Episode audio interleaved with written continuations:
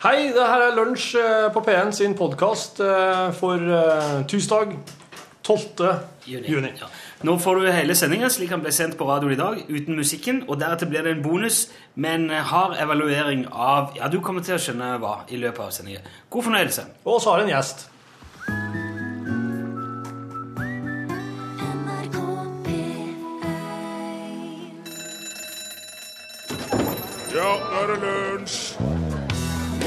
Sudlidi, sudlida, sudliduttan dei, rich, rach, filibom-bom-bom, pirium, pamparium, pampirium og simsaladim, bamba, saladu, saladim.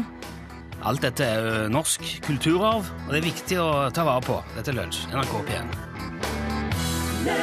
Her er vi igjen, klokka er passert 11. Velkommen om bord. Her er eh, Remi, styrer i dag spakene. Si hei, Remi. Hallo, hallo. Og så er Torfinn her, og han har med seg eh, en 50-60 stykker fra Molde. Kan dere rope 'si hei', alle sammen? Ja, så derfor, der, Disse menneskene står nå og stirrer på meg som om jeg var en gullfisk i en bolle. Og hvis dette nå skjærer litt ut, så er det bare fordi at jeg er stressa av det. Det er veldig mange hyggelige, smilende unge mennesker fra Molde.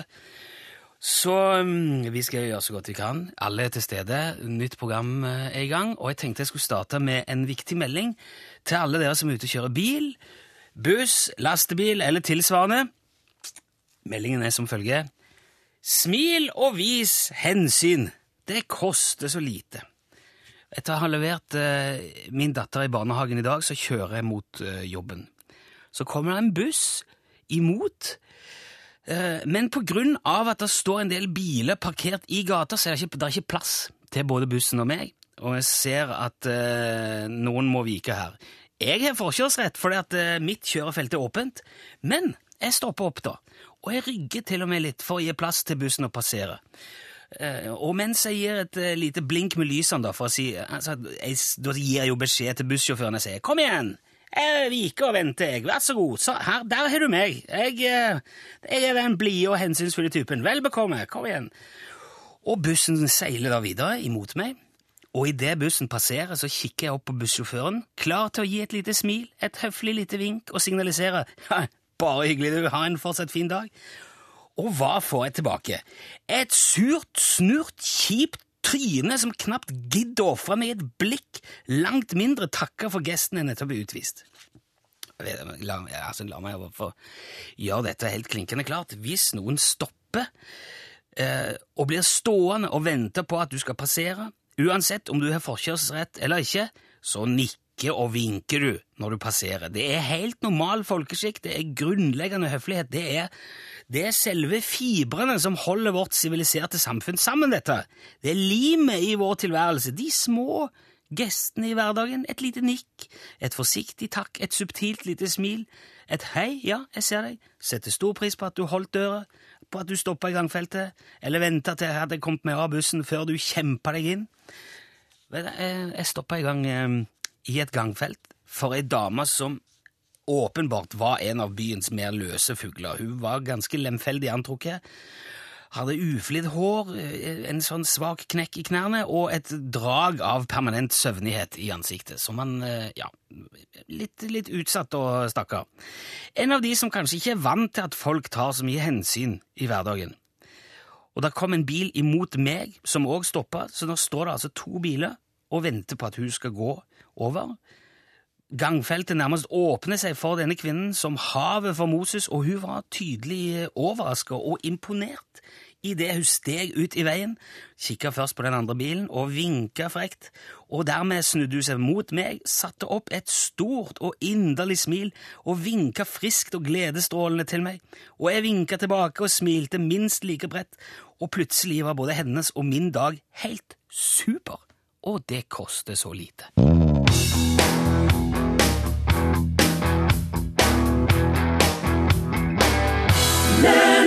Oh, why did you do it? Du hørte stretch der.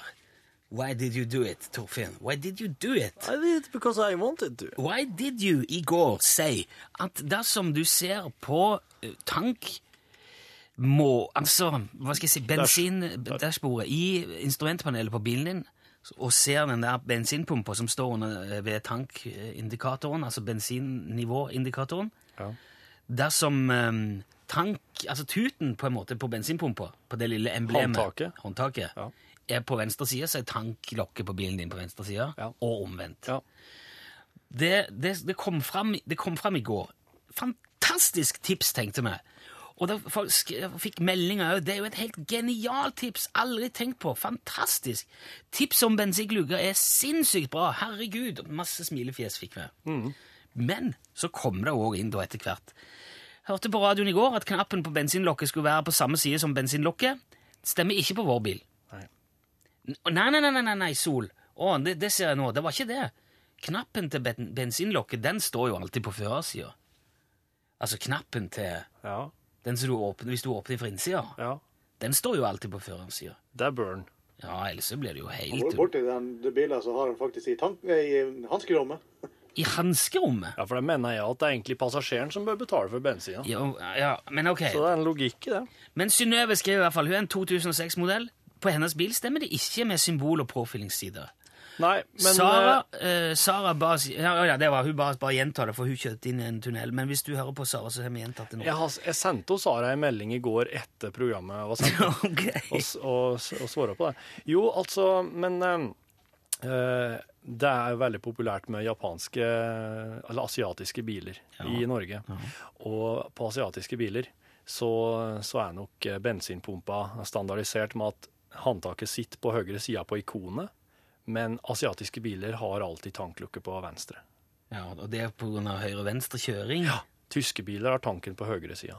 Og det henger visstnok sammen med hvor eh, eksosen òg skal komme ut. For at eh, hvis bilene er lagt for altså høyrekjøring, så skal eksosen være på venstre side, for han, skal ikke- han skal ikke gå rett opp på fortauet. Nei. Den skal gå inn mot eh, gulstripa. Ja. Så der er det òg noe. Men eh, det, det er ikke fullt så konsekvent som vi kanskje trodde i går. Men det er en liten ting til. Det er en pil. Kan ikke du fortelle om det nå? Ja, Som man må se. Det er nemlig en ting i dashbordet ditt som du kanskje aldri har lagt merke til. Uh, og det er Det er mulig at uh, bensinpumpeikonet har håndtaket på høyre sida. Ja. Men du bør sjekke helt nederst, nederst langs uh, dashbordet. Helt ned mot der rattet sitt festa. Der kan det hende, altså under, under målerstanden på drivstoffet ditt, at det står ei lita pil. Og den er det faktisk ikke mange som eller at det er mange som ikke legger merke til den, og som kanskje ikke engang tenker over hva den indikerer. Men den pila som peker enten til høyre eller venstre, den skal altså da si noe om hva bensinlukket, eller drivstofflukket sier. Så hvis det Ja, OK. Det skal altså Men det er mange små den, Det er rene da Vinci-koden inni bilen din, Ja. med små hint og signaler. Ja. Hemmelige beskjeder Ja. som står rundt. Så du må bare, du må bare se deg rundt, lete, og eh, se hvor du Du finner må ut. være litt sånn, du må være litt sånn privatetterforsker i din egen bil, egentlig. Litt Dan Brown. Ja. Vi skal eh, Vi har mye annet på, på gang i dag. Vi skal blant annet eh, Vi skal redegjøre litt for kniv og gaffel og skje øyeblikket. Men vi må ha med oss Heimelandet først. Dette her er Der skal jeg bu.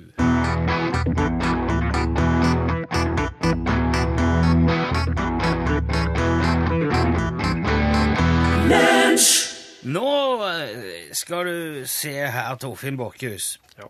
Min venn Tor Erik har skrevet følgende på sin Facebook-profil nå i dag. Syns det ser teit ut å spise spagetti med skje og gaffel. Mange spiser jo, mange spiser jo spagetti med, med Sitatet var slutt der nå, sant? Ja, det var slutt. Ja. Sp altså, mange bruker jo gaffel og skje når de spiser spagetti. Og det har jeg sett. Finner det praktisk og hensiktsmessig tvinne spagettien rundt gaffelen med skje som en slags form.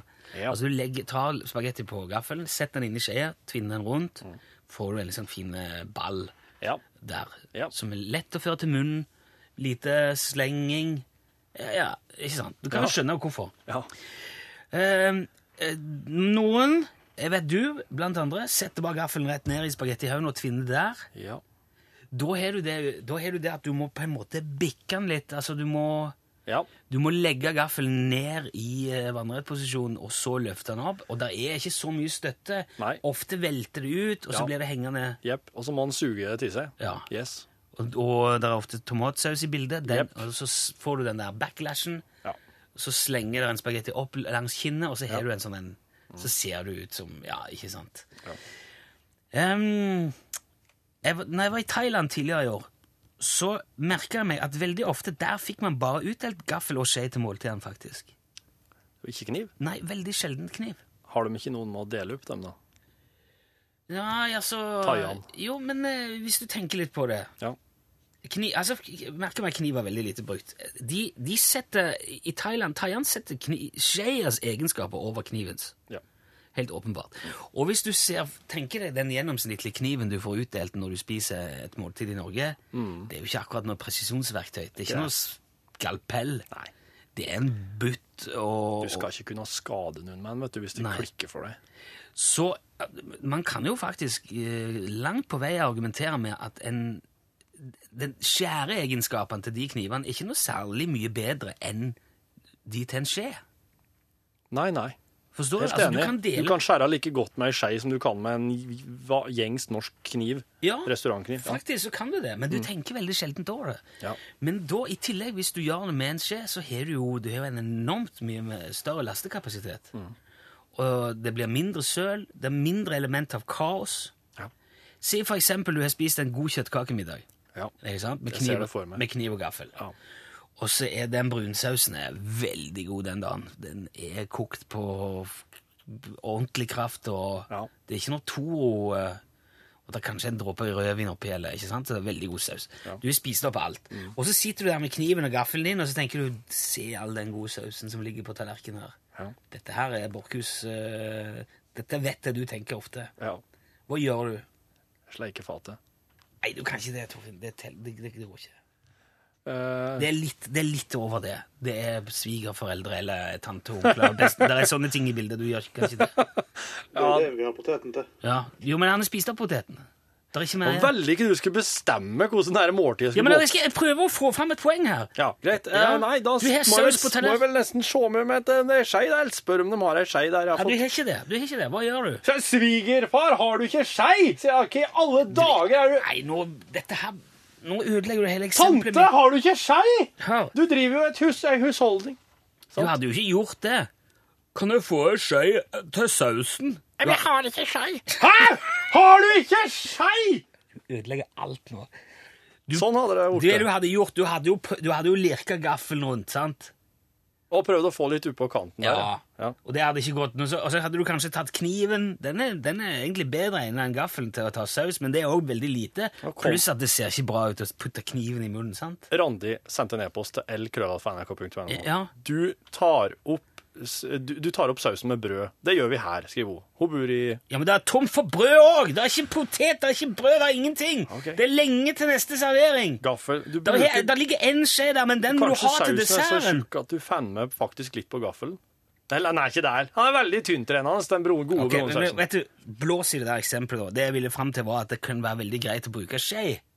Jeg tror du kunne fått til den kjøttkakemiddagen helt ypperlig med gaffel og skje. Og da hadde du ikke, du hadde ikke hatt noen av disse problemene med sausen. ikke sant? Ja, det er sant, det. Ja. Så jeg vil jeg, jeg, du, Altså, du spiser ikke en mediumstekt biff med skje. Det går ikke. Nei. Men det går heller ikke med de der eh, sløve, blunte, dårlige knivene. Du må ha en biffkniv. Ja. Men ta veldig mye annet. Altså fiskemat, kjøttkake, eh, ris, eh, fjærkre, Ja. nudler, alle mulige skje, altså. Ja. Ja, jeg, jeg vil, eh, så jeg vil bare slå et slag for det. Det har du gjort nå. Jeg tror jeg skal begynne å legge om systemet litt hjemme. Mer gaffel og skje, mindre kniv. Ja. Mindre søl og styr. Mer kontroll, mer kapasitet. Vinn-vinn.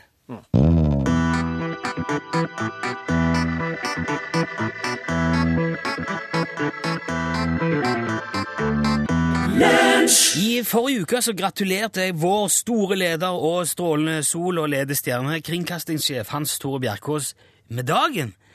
For han fylte år den 7. juni, og de programmene som ikke gratulerer kringkastingssjefen eh, på lufta, de pleier å få mye mindre budsjett året etterpå. Men etter at jeg gjorde det, så fikk jeg en melding fra vår gamle venn Ståle Utslagsnes. Fra Utslagsnes. Hallo, Ståle! Ja, ja, hallo, ja. Takk for sist. I like måte, du. du nå, nå må du fortelle her, Ståle. Du, Ja. du kjenner kringkastingssjefen fra før, du? Ja, altså, kjenner og kjenner, det er jo eh, Ja, du må jo ikke være eh, beskjeden.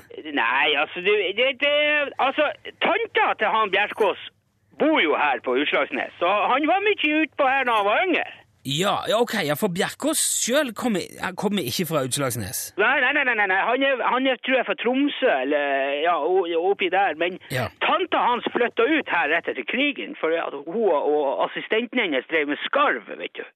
Skarv? Ja, ja, det var jo skarvmangel etter krigen. Så Jaha. Tyskeren skjøt jo omtrent alt som var, for de laga mokasiner ut av dem. Ja, av skarven? Ja, ja. De, de, de er jo jævlig seige, vet Ja. du. De tåler jo nesten hva som helst, den skarven. Ja, men altså eh, Skarv Ja, og de, de kalte jo for eh, skarvkjerringa på Høgtangen. Det var tanta til han, eh, han Bjerkås der. Ja, men hva, nå, altså Når du sier at hun, hun drev med skarv, drev hun altså jakt, da, eller? Nei, oppdrett. Oppdrett? Og trening og slakt. Og, og trening? Ja, ja, du kunne bestille skarv til alle mulige formål. vet du. Det var transportskarv. De kunne jo hente posten ut i Fettvika, eller Ja. fly med regningene til banken. Og så hadde du eh, så vaktskarv som skreik på uvedkommende. Det var, var alt mulig kunne du få. Ja.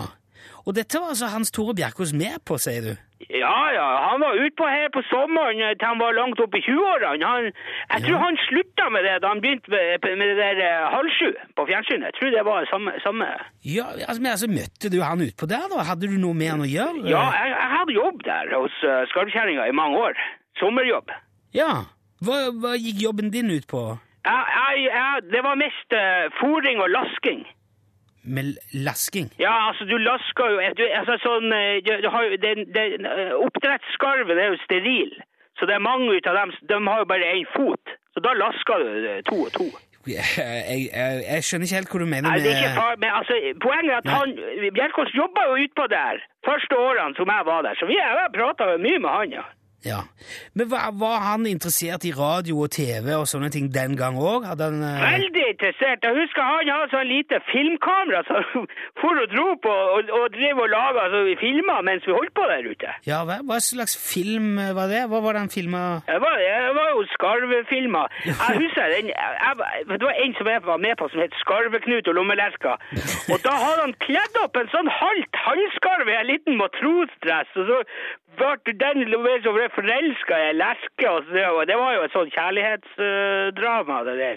ja, så, så kringkastingssjefen har laga film om, eh, om en skarv og ei lerke? Ja, altså det var jo ei lommelerke. Det var jo det som var overraskelsesmomentet, ikke sant?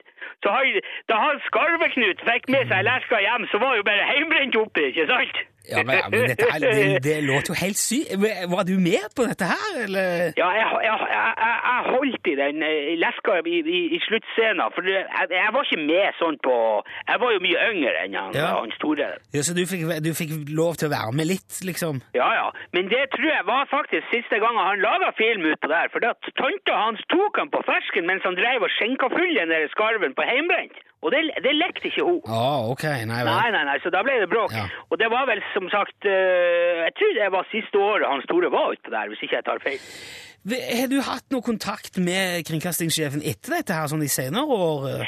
Ja, veldig lite, egentlig. Okay. Han, han er jo mye eldre enn meg, så det ble ikke så mye etter det. Men tanta hans, hun eh, Altså, er hun Ja, vel, Skarvkjerringa lever i beste velgående. Jeg så henne tidligere i dag. Ja. Med skarvemokasiner og en svær sekk med fiskeslo på ryggen. var hun. Så hun er... Hun- driver hun med skarv eh, ennå? Ja, ja, men det, det, det, er litt mindre eh, skala nå. Nå leier hun mest ut til filmer og turister og sånn. Så det er, er, altså, det er turister som kommer til Utslagsnes og, og leier skarv? Ja, ja, ja. Tyskerne, de, de er elsker jo sånne her fugler og... Ja vel. Vet du, du, du, får hilse jo så mye fra oss i NRK, så må du takke for at du sparka han eh, den gang, for ellers hadde jo kanskje ikke Bjerkås jobba her i dag. Ja, det skal jeg gjøre, og så må du gi beskjed du også om du trenger en skarv en dag til et eller annet. Ja, jeg, jeg kan ikke helt se for meg hva det skulle vært, men eh, Ja, sier ikke det. det. Det kan være veldig greit å ha en skarv, vet du. ja, ok. Jeg skal huske på det i alle fall. Tusen takk skal du ha, Ja, den er god. Den er grei, du. Ja, hei, Hei, hei, hei. hei, hei.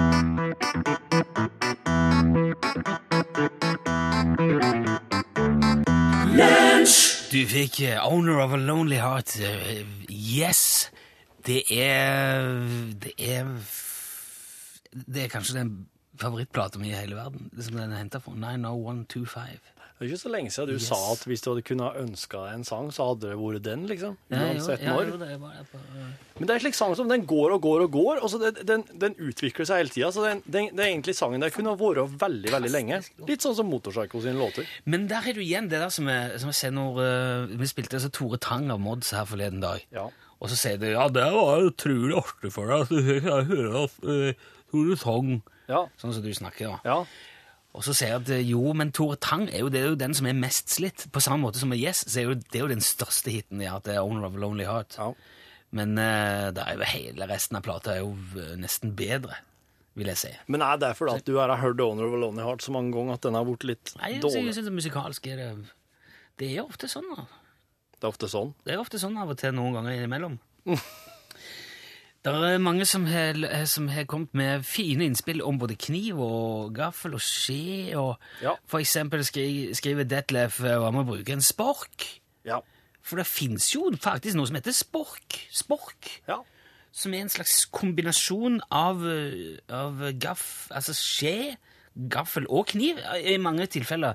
Det er altså en, en litt sånn uthula, uh, rund gaffel ja. Med tagger på sida. Så det er altså tre funksjoner i ett redskap. Og den, den ble faktisk patentert allerede i 1874, kan jeg se her. Sier du det? ja? Kombinasjonen eh, skei, kniv og gaffel, ja. Det er rart det ikke er mer u- utbredt, syns jeg. Ja, men det, er, eh, synes, det ser ut som det er veldig utbredt. Det er bare at det er ikke liksom Kanskje ikke her i Norge. Det, jeg- det jeg fikk eh, inn på Facebooken vår, var at det fins en liten gardsrestaurant i Trøndelag Ja. Eh, der det alltid ligger sånn eh, sausskei klart ved middagsservering. Det her er vel Det er, jo, det, er jo, det er jo veldig bra. Det vil vel si at du har kniv, gaffel og skei, da. Ja. Så det er ikke spork her. Men, eh, og derfor kan du forsyne ekstra godt av sausnebbe, skriver Kjersti, og skrå på tallerkenen tallerken fin og rein til slutt. ja. Og det, det høres ut som en veldig Det høres ut som en plass for det, Rune. Jo, altså Ja, det er ikke nødvendigvis bare det der med men det var, jo, det var jo et eksempel for å synliggjøre et mulig problem da, som, kan, som kan dukke opp. Og jeg tenker, Når man går på sånne fine restauranter, sånn, så er det jo ofte Det er jo det som kjennetegner. Det er et vell av redskaper. Det er kniver, gafler, skje i hode og ræva overalt langs bordet. Og så skal du begynne ytterst og jobbe deg innover. Det har man jo lært. Et par multiverktøy. Ja. Altså liksom multifunksjonelle bestikk. En Ja. spork og en, en eh, Ja. En spork og en Nei, altså, kan, eller to sporker, kanskje. To sporker, ja. Ja. Kan hete skje med, med saus med begge hender. Det er jo både gaffel og kniv, og det er liksom alt, og det er skje, og det Ja, det syns jeg. Jeg fikk en sånn matboks som er liksom en sånn Jeg tror det er noe litt sånn asiatisk eh, greie til jobbursdagen min. Ja. Og der var det med en eh, spork, da. Kjempebra. Ja. Jeg skal kjøpe sporker og begynne å gi til alle. Det kan være eh, Nå skrev jeg Sigbjørn Sigbjørn Særheim fra Varhaug skrev at det, det kan være for veldig vanskelig å spise store hermetiske fersken med bare skje. I hvert fall hvis de er harde, og det er et veldig godt poeng. Yep. Og de er også sleipe. og Det betyr at hvis du prøver, hvis du får sånn dessertskje og skal spise dette, Ja. pump, så er, det, så, er han, så er han på gulvet. ja. Det skjer ofte. så da, I det tilfellet så kunne det vært greit å ha kniv og gaffel igjen. Selv om det er dessert. Men igjen! Ja. Spork! Hvis, ferskentips. Ja. Jeg pleier alltid å ta fersken og bare legge den oppi glasset mitt. Så tar jeg ikke delen opp der. Med skeia. Du er jo helt eh, Så det blir det sånn- sånn ferskensmak på vannet etterpå. Det er veldig godt. og, Ja, dette var helt på sida. Skal vi ha quiz-øyeblikk nå, Torfinn? Ja, uh, ikke nå. Nei, men vi skal ta en låt og så quiz? Og så er quiz, ja. Så da må folk bare gjøre seg klar ved telefonen. Det er filmquiz i dag? Ja. Ok, heng med. Her er først uh, My Core. Dette er en, BL Mike Core. En bit av meg. Besøk gjerne Lunsj sine Facebook-sider. Facebook.com skråstrek lunsjnrkp1. En bit av meg. Og uh, dama som sang, heter Mike. Men hun skriver det med en stor K i slutten, så man kan, da, da, hun kan, man kan få en eh, Det kan være litt forvirrende hvis man ikke er helt sikker. sikker. Men hvis noen spør deg hvordan sier du det der eh, hun som synger den der 'En bit av meg', så kan du si ja, det er Mike. Kan du si. Nå har jeg sjekka det, så nå vet jeg Ja. Da skal vi ha eh, vår eh, filmquiz ved Torfinn Borchhus. Ja. Jeg, eh, ja, vi vi prøver igjen. Det Altså, først og fremst, nummeret du skal ringe er 815 21 031. Ikke ennå, altså. Nei da, gjerne igjen. Men eh, for at i går så Jeg har sånn filmpakke på TV-en, slik at jeg kan se eh, Slik at jeg får mange filmer og serier eh, på TV-en hjemme. Er det, er, det, er det underforstått hva som skal skje nå? Nå skal du fortelle om en film, og så skal folk finne ut hvilken det er. Hva for en film det er, ja. Ja. Dette har vi prøvd før, og det har vist seg ofte å være veldig veldig lett. eh, Sånn på grensa til nesten dumt, syns jeg. Men de som har ringt inn og Ja. klart det, og syns det har vært helt topp Ja, selvfølgelig syns de det. Jeg har fått premie og alt mulig. Men Ja. eh, Jeg har veldig mye bra CD som jeg er alliert med med hun, eh, Ingrid, som er en av musikkprodusentene i P1. Hun bare Ja. kjøm, hun bare lesser på meg bra, nye, helt nye, i plastikk, CD-er, ny musikk. eh, Og gammel musikk, for, hvis det er noe nye. ok, Hvis vi skal rekke dette, så må vi Greit. fortelle om Jo, jeg satt meg, ikke sant, og jeg gleda meg så for at jeg så at eh, Gary Oldman skulle være med. Ja. Og han er, jo, han er jo kanskje favorittskuespilleren min. Ja. Eh, Jeg kommer ikke på hva denne filmen heter nå, men eh, jeg begynte å se den. da, Og det er jo det er veldig sånn du- Helikopteren flyr over noen dype skoger, sånn her skikkelig sånn eh, bartre. Eh, Og der ligger noe vann der, og det ligger noe Og så ser jeg liksom sånn type sånn vasshjul, ikke sant. Det er, gom, det er gammelt, dette her er en gammel landsby. og så er det ei lita jente og en liten gutt. Nå ringer telefonen. Ja, det, skal du bare gå nå, så er det ikke Ja, altså jeg skjønner da på en måte at det er hun jenta, så, og så blir det Kanskje du kan Ja, du ta må- den, Remi? Kan du høyere, da? Jeg kan jo uh... Bare- Kan du sette deg bare rett på her? Ja, kanskje. Nei, kanskje ja. Nei, det er litt uh, Det er litt i overkant. Tror du det? Er det ikke? Nei, så gå og ta telefonen, da. Ja, nå ringer det ikke lenger. Nei, men nå tror jeg Remi tatt. OK. Hva holder du på med, Remi? Nei, det fortell om filmen, Topp. Hallo? Ja, la på. ja, OK. Nå er det radiofaglig veldig svakt. Altså, men men i hvert fall, så ser jeg hun jenta at Altså hun samme vesle jenta, han vesle gutten, så skjønner jeg at å ja, nå har han hoppa en del år fram i tid.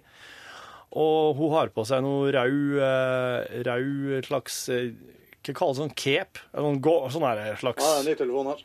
Ja. Og så, og så måtte jeg bare skru av, for det var så jækla kjedelig. Og jeg var skru på. Jeg fikk ikke sett Gary Oldman en gang. Da jeg bare «Åh!» Jeg holdt på å gjespe meg i hæl, ikke sant. Og så jeg går og tar telefonen og hører om det er noen som har skjønt hva slags film det er. Det er så Jeg syns det er liksom Norges største radiokanal og, og, og P1, så er det, det er så rotete opplegg, Torfinn. Det er så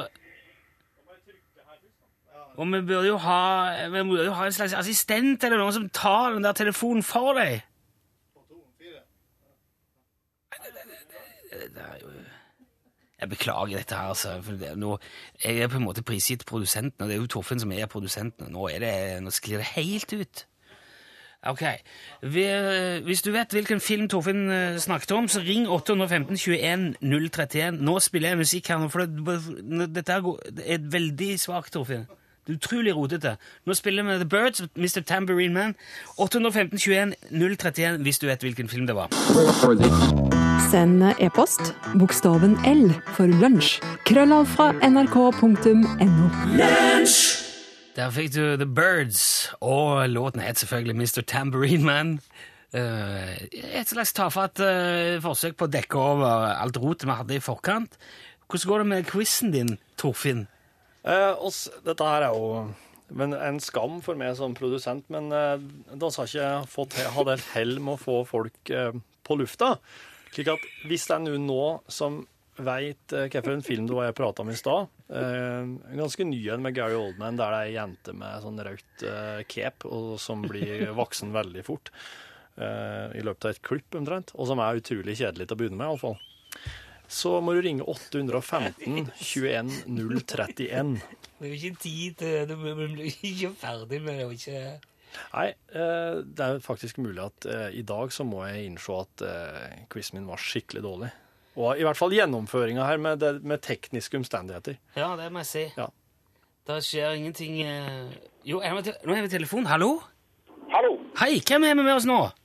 Eh, jeg heter Tore. Tore. Hei, Tore. Hei. Eh, vet du hvilken film det er, altså? Jeg har en, en formening uten å ha sett filmen til og med. Dette her, eh, da er, da- Vi stiller litt likt her nå, Tore, Tore, jeg har inntrykk av, men jeg kan jo ikke si noe, for da- da ødelegger jeg jo alt. Men, men hvilken film tror du det er, Tore? Jeg tror det er den der nye versjonen av uh, Rødhette. Det er Jaggu! Det er det. Det er helt riktig. Ja. Det er Rødhette og Varulven, heter den. Rødhette Ja, riktig. Ah, Ok. Ja, den godkjenner. Ja, men ok, da gikk det jo fint, da. Men eh, hvordan eh, Vi pleier jo alltid å evaluere disse quizene sammen med lytterne for å prøve å Vi vil jo gjerne levere et så bra produkt som mulig, Tore. Hva, er ditt, ja. hva er inntrykket ditt av denne her runden her? Um, tror du det gjør seg på lufta? Ja. Ja, altså, jeg skal stå for det. Vi må, Uh, vel, eh, jeg, jeg føler at kvalitetskontrollen på forhånd kanskje kunne vært noe bedre. ja, ikke sant? Vi bør gå, vi bør gå Torfinn mer i sømmene på forhånd. Kanskje han skal Kanskje, kanskje, han, kanskje han skulle fått noen til å høre gjennom konseptet sitt litt på forhånd, muligens. dette, Det er akkurat dette jeg prøver å, å si, jeg er veldig glad for at du, at du òg gjør Torfinn oppmerksom på dette, tror jeg. Vi kommer til å ha en skikkelig runde nå etterpå. Det kan, jeg, det kan jeg forsikre alle om, og jeg kommer sikkert til å be å få med en leder et litt, et litt høyere nivå i NRK og snakke med Torfinn om dette. Det har du slurt ut. Men du eh, svarte rett, Tore, og du skal få en eh, premie i posten. Bare ikke legg på nå. Eh, og så kommer Torfinn og prater med deg. Fantastisk. Tusen takk for at du var med, Tore, og for at du redda restene av dette her opplegget her. Ja, ja. Ingen årsak. Ok, gå ut og snakk med han, jeg skal- Torfinn.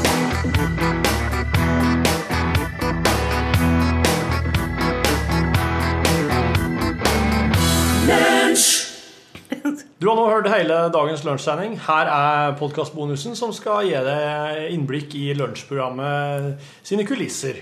Og nå, som det ble lovt i sendinga, eh, evaluering av quizen din, som vi hørte på slutten her, eh, Torfinn. Ja. I dag en eh, all time low, vil nok kanskje mange si. Ja. Og for å evaluere den, og for å gå litt nøyere gjennom det som skjedde i dag, har vi altså fått med ingen ringere enn selveste Viggo Valle. Velkommen, Viggo. Takk for det. Du er jo quiz-generalen over noen i NRK.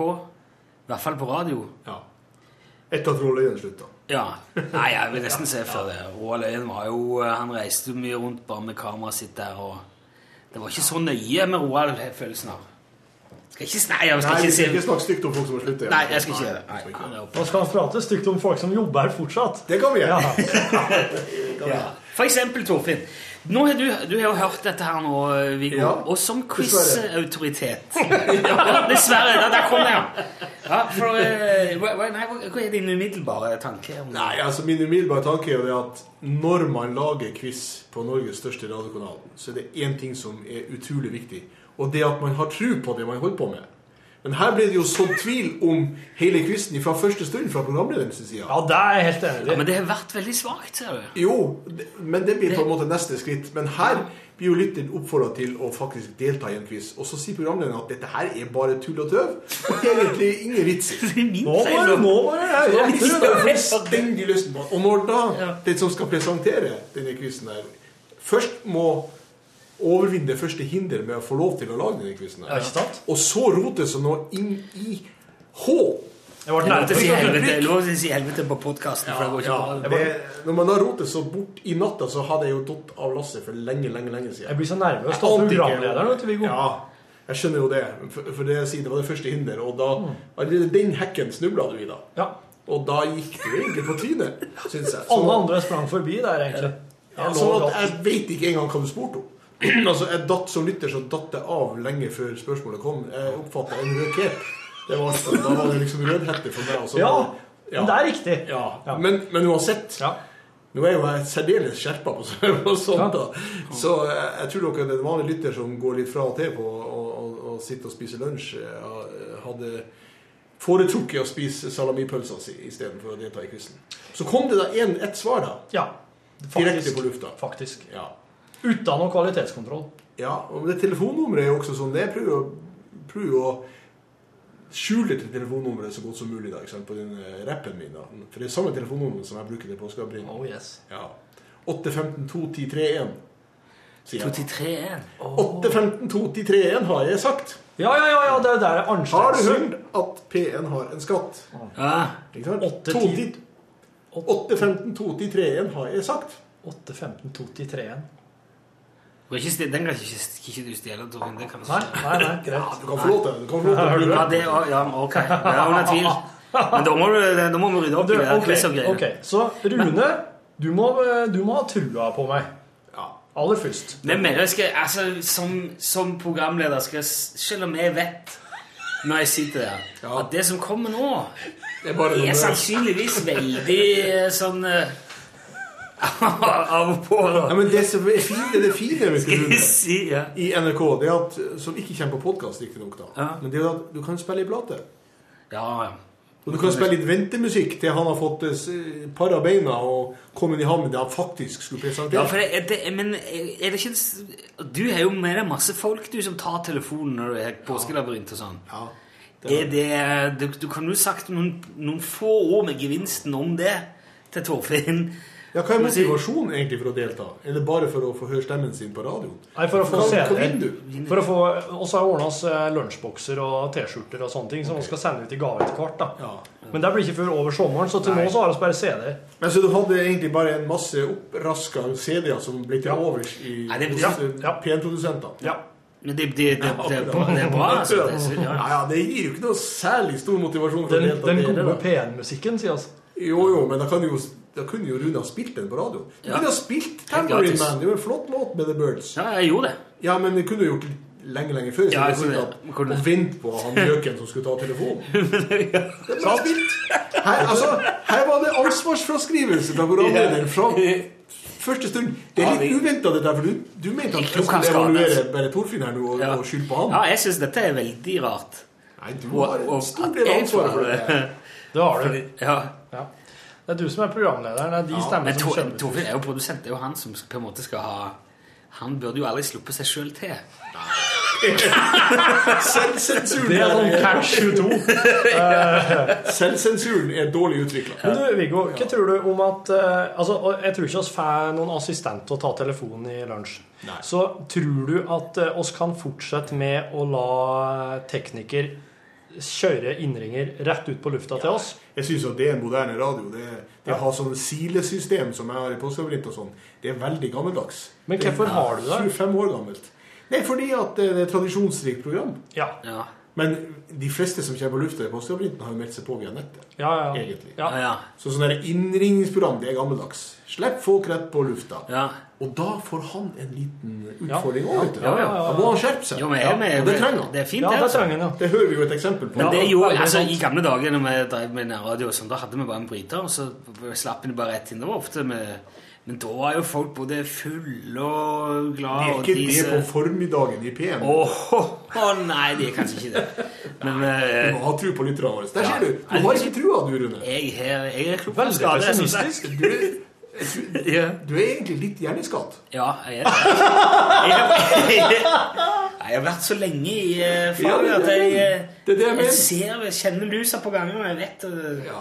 jeg, jeg går jo i studio hver dag. Du hiver lusa på gangen. ja, det gjør Nei, men hver dag når jeg går i studio, så tenker jeg at eh, ja, sannsynligvis er det i dag det går til helvete alt. Tenker, tenker jeg som regel, og det er egentlig det er bare på nau. Ja, men man må ha tro på folk. Jeg, jeg hørte Jeg, jeg traff en, en, eh, en kjenning som, eh, som synger i Berlevåg mannssangforening. Ja. Dere har sett filmen Ja. Heftig og begeistret. Apropos film, Ja. da kan du lære noe. ja. Ja, fil, filmen Heftig og begeistret. De har jo en, en dirigent som som heter sitter i Oddvar rullestol. Fransen, Som satt i rullestol, og som sitter i rullestol. Ja. Han amputerte den ene foten. Ah, ja. Og de var litt misfornøyde, de medlemmene av koret, fordi at han drev og de måtte drive og bære han i rullestol opp trapper og sånn. Så han sa at 'jeg skal dra hjem og hakke av med den andre foten', så skal jeg ikke bære meg i bæremeis'. så gikk det jammen med troll i ord. Han Nei. måtte amputere den andre foten òg. Og mens han var på sykehuset og gjorde dette her, så døde mora hans. Så en av medlemmene i mannskoret ringte da til han Odd for å høre hvordan det gikk med han. ikke sant? Så han ringte og sa 'Hvordan går det med deg, Odd?' 'Jo, med meg går det bare bra', svarer han. 'Det er verre med broren min'. 'Bror din? Hva er det med han?' 'Nei, han har jo mista mora si og halve broren'. oh. Sånn men fantastisk! Tenk hvis jeg klarer å holde den. eh. Man må ha tro på folket. Ikke? Ja, ja, ja. Og man må ha humøret på plass. Jeg ser nå er jo koppen min uh, på god vei til å bli full. Ja, den! Det er jo, det, er en, litt, det er liten skvett over bunnen. ja, ja, men det er, det er ikke mye om å gjøre før han er bred, resten renner over, altså. Det her er en ny Rune Nilsson oss eh, ser konturene av nå. Du vet jo at du har en eh, Du har jo en, eh, En kar som driver og ringer inn til deg hele tida. Som påstår at han er same. Ja, Olsen, Olsen. ja. Ja. Du, vet, du vet hvorfor at han holder seg så godt? Vet, jeg aner ikke hvor godt han holder seg, eller hvor gammel han er, eller hvor han er. Ja, hvis, han, hvis han holder til på Finnmarksvidda, så ligger han i fryseboks i seks måneder i året. Ja, ja. Så Det er det, ja. Men jeg tror, jeg vet du, eh, vi har fått, eh, det, det kan virke som han holder til litt lenger enn sør i landet. Tror du det? Ja, for han er sin egen vidde, og jeg har en mistanke om at han ikke er same egentlig i det hele tatt. At det er noe sånn påtatt, at han har kanskje noen, noe sånn eh, inngift familien og sånn sånt som er Men det er skummelt. Det er skummelt å lyge på seg at man er sammen Jo, men de det er jo, ikke bra. Nei, men det er jo en del ganske utstrakte støtteordninger som gjør at det kan være ganske gunstig i en del tilfeller. Og han kan jo få hevd på beiteområder og sånne ting. Ja. Pluss at du får jo stemme ved sametingsvalget. Jo, jo, men jeg syns at det burde være en straff for å utgi seg for å være sammen som ikke er det. Ja, Da skulle man bli kledd naken og botten fast til ei busk på Finnmarksvidda. Ja, det tror jeg så skulle man slippe ut en masse reinkalver som ikke er avvent. Ja. Oh, det, det skulle vi gjort. Det syns jeg er en passende straff. Dette her skal, dette skal jeg fortelle at det har gått sagt. Ja. Det Ja, men du, vi, skal, vi ringer han eh, på Vi pleier å ringe han på onsdag, og han tar bare telefonen på onsdag. Ja. ja Så jeg skal, jeg sjekke, jeg skal jeg må grave litt i det her samme greiene i morgen, for at uh... Men gamleonkelen min var sånn at han skulle bare på mobilen mellom klokka fire og klokka seks hver efta. Ja, hvorfor det? Så da, nei, det er da han kan nå den. Det er da han vil ha telefonen. Akkurat. Sånn Jan har du bare på på onsdagen. Ja, jeg, jeg, Men han, han Jan, har du prøvd å undersøke litt nærmere hans, eh, hans herkomst? Nei, ja, altså Det er jo veldig mange som heter Jan Olsen. Jeg vet at, altså jeg har konfrontert ham med det før og sett at det er et veldig lite samisk navn.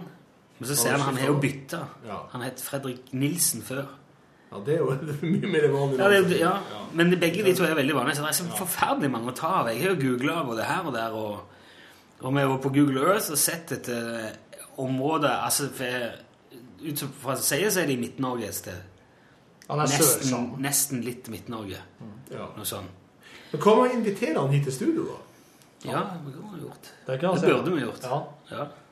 Kan hende kommer, vet du. Kan, han, kan lytterne sende inn spørsmål? Kan han svare og sånn? Ja, hvis du, hvis du velger et riktig tidspunkt som passer for han. Det må sannsynligvis være en onsdag. Ja, det må være en onsdag, da. Ja. Eller kanskje, det, kanskje han er ting han må gjøre på onsdagen som gjør kanskje det passer bedre med en fredag. Gaskavarko. Gaskavarko. Ja. Midt i uka betyr det. Gjør du det? Du kan jo litt sånn samisk? Ja, jeg kan samisk. Kan du fullt ut samisk? Nei da. Kan du liksom snakke Nå skulle jeg skryte på meg det. Nei da, men eh, jeg har faktisk Når jeg for 30 år siden så var jeg tekniker for samisk språkopplæring. Vi laga en masse program som heter Davin og Sames, som ble sendt i Norge, Sverige og Finland, som var samisk språkopplæring. Og da måtte jeg jo lære meg litt samisk. Ja, ja. Skulle, vi spilte inn en masse sånne, sånne hørebilder. Og jeg jobba sammen med ufattelig flinke folk rundt omkring i hele Sápmi. Eh, Du vet, Samlandet er jo ikke begrensa av, av grenser. Nei, nei, det Man jo sier-. Ja. Man sier ikke Norge, Sverige og Finland på samisk. Man sier norsk, svensk og finsk side. ja. Ja. Råtha bjelde, som betyr eh, svensk side. Vi lesber også på samisk. Norka bjelde. Ja, de har fe- fe-lyd. Råtha heter eh, Sverige. Ja, ok. Råtha bjelde. Svensk side. Men da lærte jeg meg litt samisk. Eh, Og så jeg lærte jo det, det motsatte av det som andre gjør. fordi at jeg lærte først grammatikk og det å lese og skrive samisk. For det var et lese- og skrivekurs. Ah, ja. Og så, eh, for Vanligvis lærer man å snakke først, og så lærer man å lese og skrive. Var det en fornuftig måte å gjøre det på? Nei, Det var en interessant måte å gjøre det på. Jeg kan mye grammatikk. Det vanskelige bokstaver, synes jeg, så det ser veldig rotete ut når du ser på det bare sånn. Det er kasusene som er vanskelig. ut. Illativ og lokativ og kommittativ og sånn. Det er ganske Er det sånn som finnene har da, i Ja. sitt språk? Det, er jo, det tilhører jo samme språkfamilie. Det tilhører jo den finsk-ugriske. Ja. Jeg hadde ikke klart å kjenne igjen en kommunikativ hvis jeg hadde sett Hvis han hadde hoppet opp sier og bitt meg i ræva. Hvis, hvis jeg sier at det er et, uh, kasus eh, som, uh, som i, vi på norsk bruker preposisjonen 'med' Her er Sameradioen med nyhetene. Ja. gå inn Og Goin-endelsen er kommitativ. Det er Sameradio gå inn Det er Sameradioen med nyhetene. Ja, ok. Det er kommitativ. Oddasi Goin. Og det er så cool. En god innendelse. Er de sånn som, er de sånn som, som, som eh, deler på en måte kjønn på og, Nei, altså Nei, nå vet jeg ikke hva Altså Man har entall og totall og flertall. som er litt uvanlig på norsk. Så man snakker til to personer, så bøyer man verbet på en måte. Snakker man til flere enn to, så bøyer man det på den andre Ja, det er sånn måte. er det, ja. Og du har eh, du, du, beskriver, du kan beskrive en kjepp Hvis du sier kjepp til en mann, så sier du en ting. Hvis du sier kjepp til en dame, så sier du en annen ting. Ikke, kanskje ikke så Nei, det er, mer, det er mer på tallbasis. Men du har en masse endelser du kan sette i verbet som kan gjøre at verbet kan uttrykke forskjellige ting. Man kan uh, bruke en stamme av verbet, f.eks. det å spise, borat. Og så kan man sette endelser som båra ditt, båra skitt, båra hit. Som kan uttrykke ting som litt, å gå rundt og være sulten. Det å ha et stort måltid. Og det å gi mat. Så det er jo en søt historie om eh, han skyss-karen som skyssa folk fra Vadsø til Polmak, og som stoppa i Varangerbotn fordi folk skulle inn og få seg en kopp kaffe og noe å spise. Ja. Og så spurte de han om eh, skal ikke du inn og, og spise. Jo, sier han. Jeg skal bare spise hesten først. Og det fordi at han tenkte skulle oversette Ja, ja. sitt, sitt eh, samiske, rike språk til norsk, som er mye fattigere på det området. Ikke sant? Så han, han skulle gi hesten mat. Ja, ja. Fôre hesten, ikke sant? Som er en bårat som er stammen på verbet å spise, med en liten endelse. Men, men han tenkte da å spise på norsk.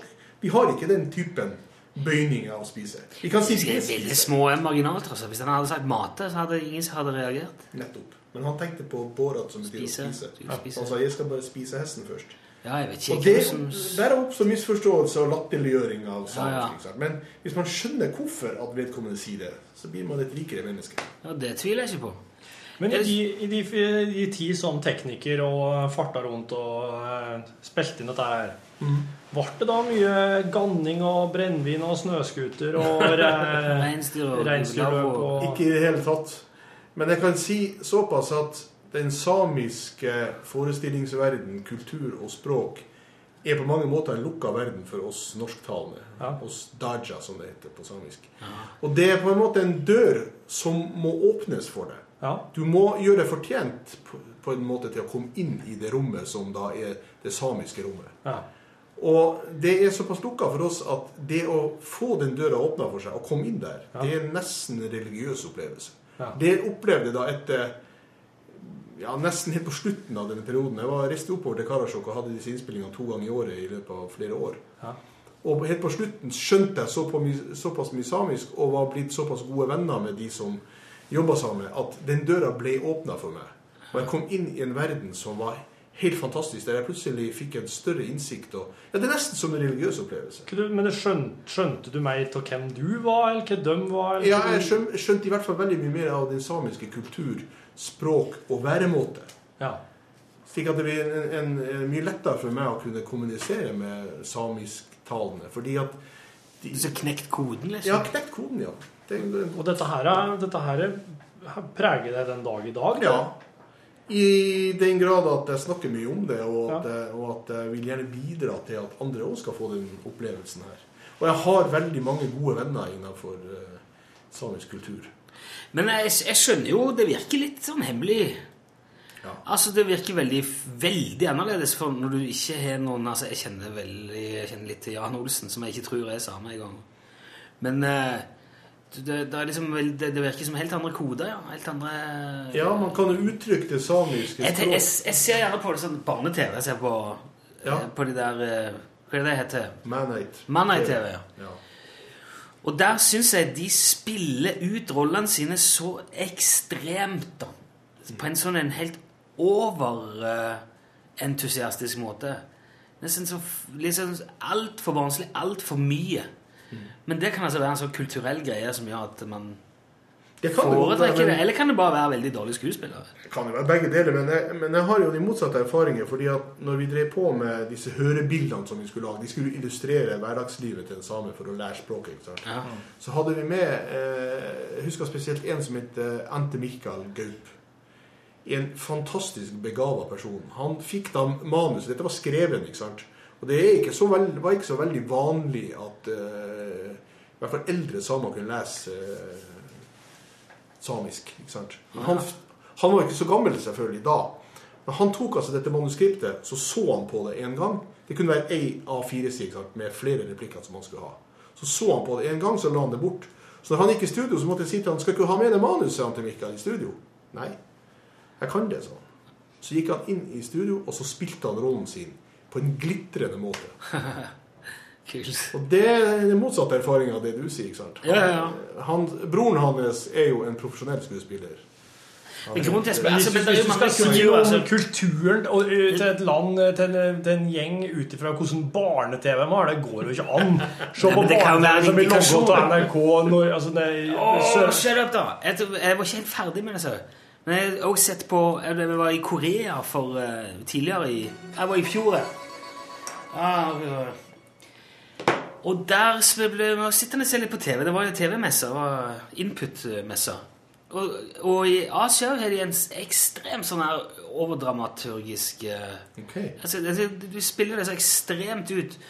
Og det, det, er liksom revy med sukker og smør og sjokolade og banan og peanøttsmør på en gang. Det, og det, det De foretrekker det. Det er greier. Det er liksom det er en del av kulturen. Det er noe av den humoren som skal spilles ut sånn. Det skal være det skal bare være sånn. Og det går igjen i veldig mye annet av det de gjør av drama, av eh, jo, altså, egentlig hva som helst som er på TV. Det er mye større bokstaver, mye bredere pensel, mye, mye mer, mer, mer. Men sørkoreanerne seg sjøl er jo ikke så dramatisk og pompøs og vanvittig ennå. Kanskje barne-TV handler om hva landet ønsker, hva de ønsker der. De hadde for eksempel Nord-Korea kanskje er sånn. Ja, Nord-Korea er veldig sånn.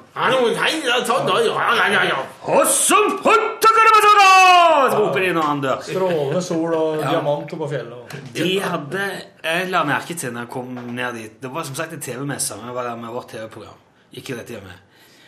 Og jeg så litt på TV før, og så, så la jeg merke til at hele veien så kommer det sånne tekstplakater. Så det kommer tekst, svære sånne asiatiske tegn, koreanske tegn, da, inn på skjermen. Og beskriver et eller annet, men du aner jo ikke hva det er som står. Og de kommer gjerne med lydeffekter. Sier det, så står det et eller annet.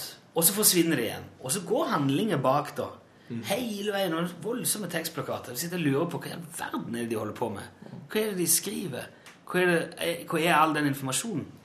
Og så kommer vi på, på denne her messa, så fikk vi se en reality-serie som var laga av KBS, som er Korean Broadcast eh, Det er altså NRK i, i, i Sør-Korea.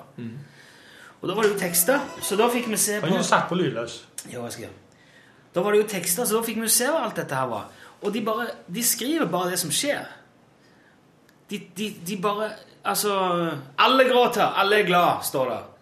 Og kommer inn med lydeffekt, og jubling, og dong, fush, så er det når de går ut.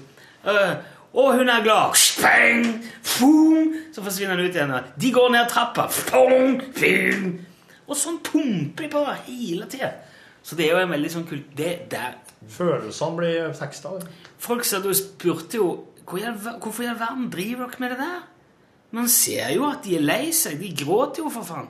Ja, men eh, det ble liksom så kjedelig, så de ville på en måte holde oppe tempoet. De måtte, de måtte liksom understreke liksom poeng og hjelpe folk å henge med i handlingen.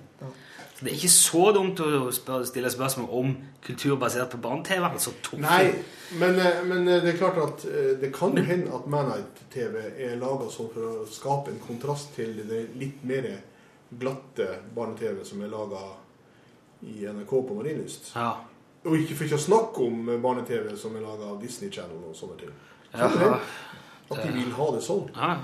Det vet jeg ikke noe om. Men eh, det jeg vet, er at det er, veldig, det er i hvert fall veldig farlig å skjære alle over en kam. Jeg, jeg har lagt merke til at det, det er mye som foregår. Altså det, det, de, rett som det er, så hopper de over i en slags åndeverden. Ja. Der, det er noe, der kan det være noe diverse slags ånder som slett ikke vil noe godt. At det kan være litt sånn skummelt i Manite TV. Og du har jo en Kan du bore over i den her åndeverdenen, Viggo? Ja, ja, men altså, den, den opplevelsen der, den unner faktisk veldig mange Det er litt sånn, er det sånn der dager. røyke, røyke pipe i ørkenen på en måte med indianerne? Er det sånn Det, det er forresten veldig mange likhetstrekk, vil jeg si, mellom indiansk, nordamerikansk indiansk kultur, sånn som vi kjenner den, Ja. og samisk eh, kultur. ja. Ja, det er fargene, ta fargene for eksempel. Dra bort til en indianerlandsby, reservat i Nord-Amerika, og se på fargene der. Så vil du finne de igjen i de samiske fargene. hvis du drar. ja. Mye farger. Ja. ja, og samme type av farger, og fargesammensetninger. Syns jeg er veldig viktig. Har du liksom blitt ti inn i i, eh, i eh, gamma til en eller annen sånn samesjef og liksom borte Nei. Den eneste samesjefen som er virkelig er min gode venn, det er jo sjefen for Sameradioen. Og Han er jo virkelig Det han sjøl karakteriserer seg som overlapp.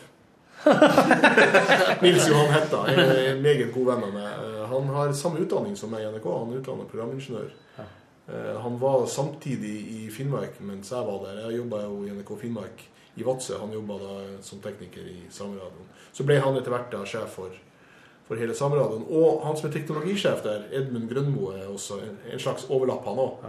Han er også min meget gode venn. Jeg traff han nettopp her nå i Karasjok. Da kasta han alt han hadde i hendene når jeg kom eh, for å vise meg og samboeren min rundt i Sameradioen og ta seg av oss, da. Ja.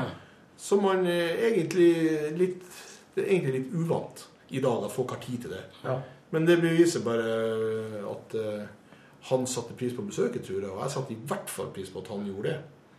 Så det er det eneste Hvis de to kommer sammen, så kan de overlappe hverandre. da. Ja, ikke sant? Ja, det var fiffig. Men det altså, det altså bli, bli, bli kjent med en same, da, som er inngangen til det å kanskje få innblikk i den herre Du får i hvert fall et rikere liv Ja. dersom du blir ordentlig kjent med en same og kan lære deres kultur. Og for eksempel, husker jeg det var en som sa vi bruker ikke isbår. Selvfølgelig gjør de jo det, men altså bare for, som et bilde. Vi bruker ikke is, motorisert isbår. Vi legger en stein på isen, så lar vi sola smelte. Det er en litt annen måte å tenke på og oppføre seg på. Det tar veldig lang tid. Ja, det tar lang tid. Og det skal ta lang tid. Så er det naturmåten å gjøre det på. Men vil ikke det liksom Ja, OK.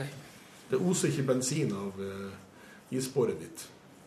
Nei, men du kan jo ha analogt bor. Er det lov? Håndbåret? Håndbår, ja. Men det tar for litt for kort tid, det. Da får du liksom ikke forventninger og det å komme i kontakt med naturen og forventninger til fisket som skal skje etterpå. ikke sant? Jo, jo, men det må jo ta nødvendigvis en dag eller to. Ja, og så? Ja, ja, OK. Nei, ja. Men man, noen Time is all we have. Ja, ja, men du skal jo på arbeid. We have all the time in the world. Så Det er beundringsverdig å høre en radiomann snakke på den måten. men Det er så, jeg ser jo anstrengt forhold til klokka. Jeg, at, Men ja, du, eh, det det er også en litt artig anekdote.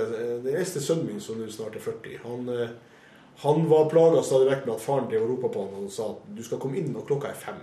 ja. Så kom han når klokka var fem over fem eller ti over fem. Så sa jeg fem er fem, det er ikke fem over fem. Det er for så vidt heller ikke fem på fem, det er fem. ja. Vet du hva han svarte? Nei.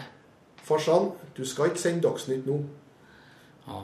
Det, er, jeg har mistanke om at guttungen min kommer til å ta den på et eller annet Men det er klokt.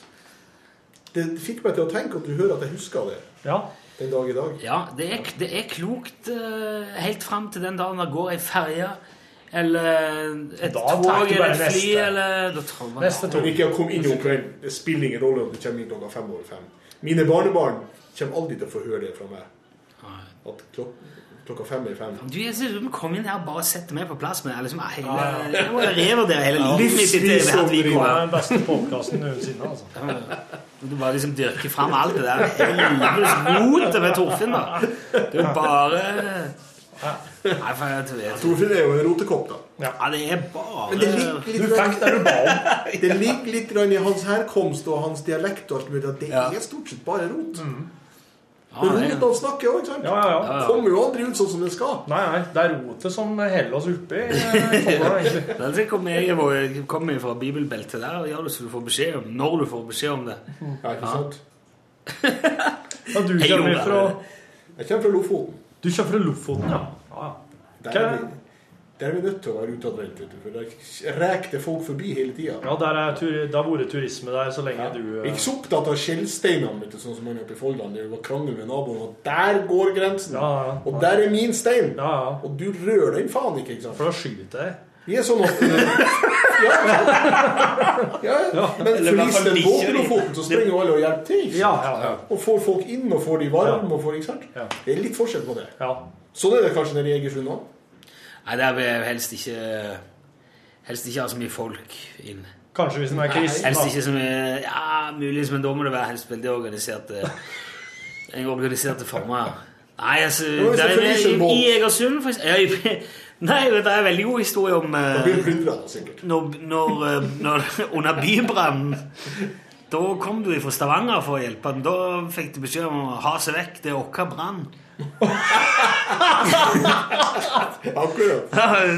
Skal faen ikke ha noe Stavanger jævla her med vann og Hva kaller dere folk fra Stavanger, Egersund? Cityside. Ja, det kaller de det. Er det litt sånn skjellsord, det? Ja, Siddis er kanskje litt Nei, det, det var det gjerne før. Men det, Men Siddisa, de, de har begynt å kalle seg sjøl, det. De har ikke det? jo, jeg tror det. Det er jo, det, det er jo den beste medisin. Bare ta, Ja. ta navnet ditt sjøl. Men Men, det de, Jeg, jeg, jeg syns at jeg kan uh, antyde noe litt at det burde vært en sånn dør til dere Egersund-boere, hva dere kaller dere. Slik at man kan, andre kan få komme inn der òg. jo. Du Du kan- du kan det. Det gir seg sjøl nok. Ja. Men Det det, er ja, sånn men som samene er før du kjenner på dem, og før du får den døra åpna. jeg tror nok du må ha opp den døra nede i- hos hos dere òg. Altså. Jeg skal pinadø sparke den inn. Ja, det er tror jeg mange har hatt godt av. Nei, men eh, faen var det jeg tenkte på? At, uh... Du må si fra når tida di er ute, Viggo, for eh, Det er eh, for lengst, men det var jævlig Ja. koselig å være her. Ja, ja, det, er jo, det er jo ingen grense. Vi har ikke noen begrensninger på dette her. For dette laster folk ned, og hvis de ikke vil høre det, kan de bare slå av. Det går ikke utover noe. Nei. Det er ingen som kommer etterpå. Vi blir ikke avbrutt av Dagsnytt. Nei, aldri. Skulle ha tatt seg ut. Men hva var det faen jeg tenkte på med Egersunderne? Altså, det er, det er jo en spesiell gjeng. Det er det. Ja, altså, de foreslo å bygge nytt hotell det, for eh, et års tid siden, eller halvannet. Ville gjerne ha et helt nytt hotell på gruset. Altså sånn stort eh, nærme i havna. Ja. Kunne jo dratt masse folk nedover. Men da starta altså Egersundane en folkeaksjon mot å samle underskrifter. Nei til ja. Man kan ikke ha hotell og alt mulig sånn her. Fri. Så var det vel noe med at det var noe for høyt, men uh, Vi det vil var ikke ikke ha besøk, egentlig. Nei, jeg, sk jeg husker jeg skrev et voldsomt flammende innlegg i lokalavisa og fikk eh, hun som tegner i, i avisen til å lage en sånn Jeg skrev eventyr om byen som ikke ville ha folk inn. Så uff, nei, de jakte Det kom noen og ville investere. Eller de jager de opp til Helland med høygafler og fakler og får Det det burde jo hett Egensund. ja, det burde nesten det. Men samtidig så er det Hvis du drar ned til Egersund og havner i en visefestival eller på fiskeri et sted du møter ei søt Og været er jente. godt, og det er, er en fantastisk plass å være. Så Hva sier du til den jenta, hun Egersundsjenta, da, hvis du er interessert i henne? ja vel. Hva sier hun da? Ja vel. Å, hva betyr det da? Ja, det kan bety Folk kan snakke sammen i sikkert en halv time om bare ja vel. Men så hvis du er interessert i noe mer, da? Kanskje litt klining? Altså, ja vel. Ja vel. Ja vel. Det er en kode du må knekke der òg. Altså. Ja, vel. Hva sier man i forhold, da? Når du skal sjekke opp i dame. Skal jeg her, skal ha pels på knaggen, Ja. og jeg får jeg. Får jeg dyppe stakene i smørkinna di? Nå sier jeg Det var jo ganske brutalt, tenker jeg. Sier du da. Nei, det med karfolkene her at de, de, akkurat som du skal ta armhevinger, så stiller du deg på knokene, og så hopper du rundt i ring. Det er bjørnddansen. Ja. Og da etterpå så er det egentlig bare å gå og begynne å kline. ok. Men Med rekedansen med Har du sett den? Rekedansen? Ja. Nei.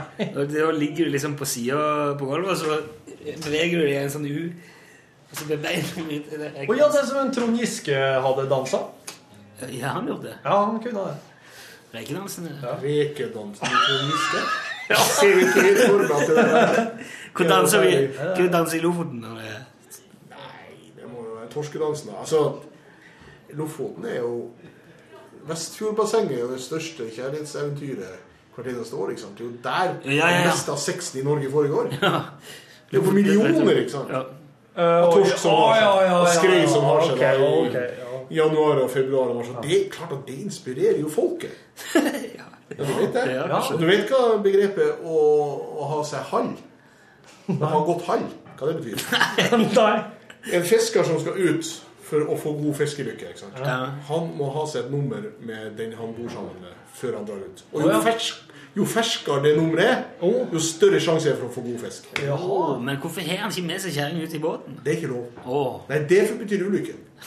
Det Det er betyr ulykke at vi får gå det magi, det skal være Du må ha det. det halv like før du drar om bord i båten. Du skjønner jo du hva som skjer hvis kjerringa er mut, for da kommer du til å gå på et skjær tvert, for da blir det jo bare puling inn i, inn i Du skal helst ha, skal helst ha det på kaia før du hopper i båten. Ja, Ja, det er helst hjemme, tror jeg. Det tror jeg er det mest praktiske òg. Jo, jo, men det Men altså, det å ha hall, ha godt hall, det er og Derfor er det veldig viktig for fiskerne å få seg tak i ei dame.